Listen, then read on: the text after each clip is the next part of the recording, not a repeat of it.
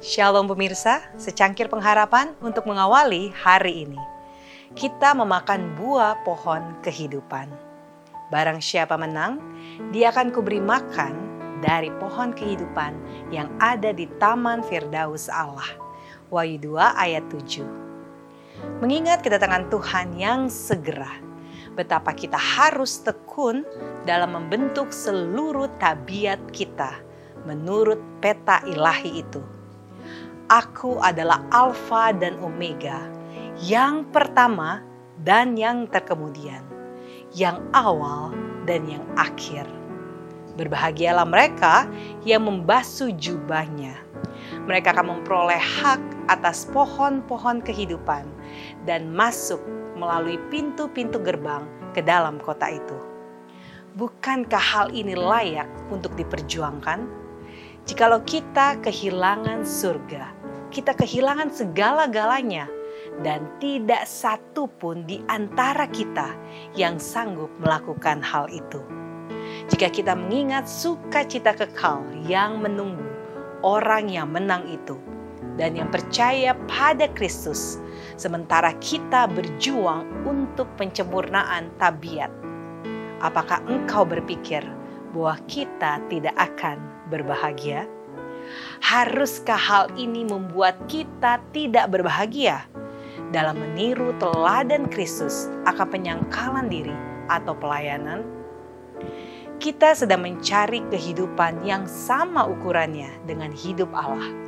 Oleh sebab itu, segala sifat kita harus disesuaikan dengan kehendak Allah kita harus mengarahkan hidup kita dengan sedemikian rupa, sehingga kita dapat datang kepada Allah dalam keyakinan dan membuka hati kita di hadapannya, memberitahunya segala keperluan kita, dan percaya bahwa Dia mendengar dan akan memberikan kepada kita anugerah dan kuasa untuk melaksanakan prinsip-prinsip firman Allah.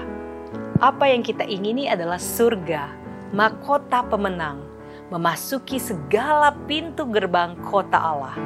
Hak istimewa untuk memakan buah pohon kehidupan yang berada di tengah taman Firdaus Allah.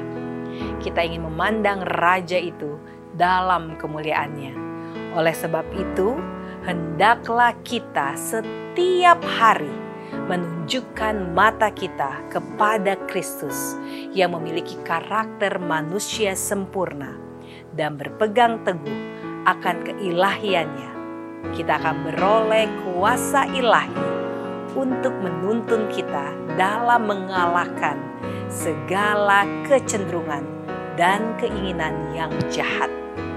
Saya berterima kasih kepada Allah untuk hidup saya saya beroleh suatu iman yang menatap kepada masa depan dan melihat pohon kehidupan. Di atasnya bertumbuh buah-buahan yang berharga, dan daun pohon itu adalah untuk menyembuhkan segala bangsa.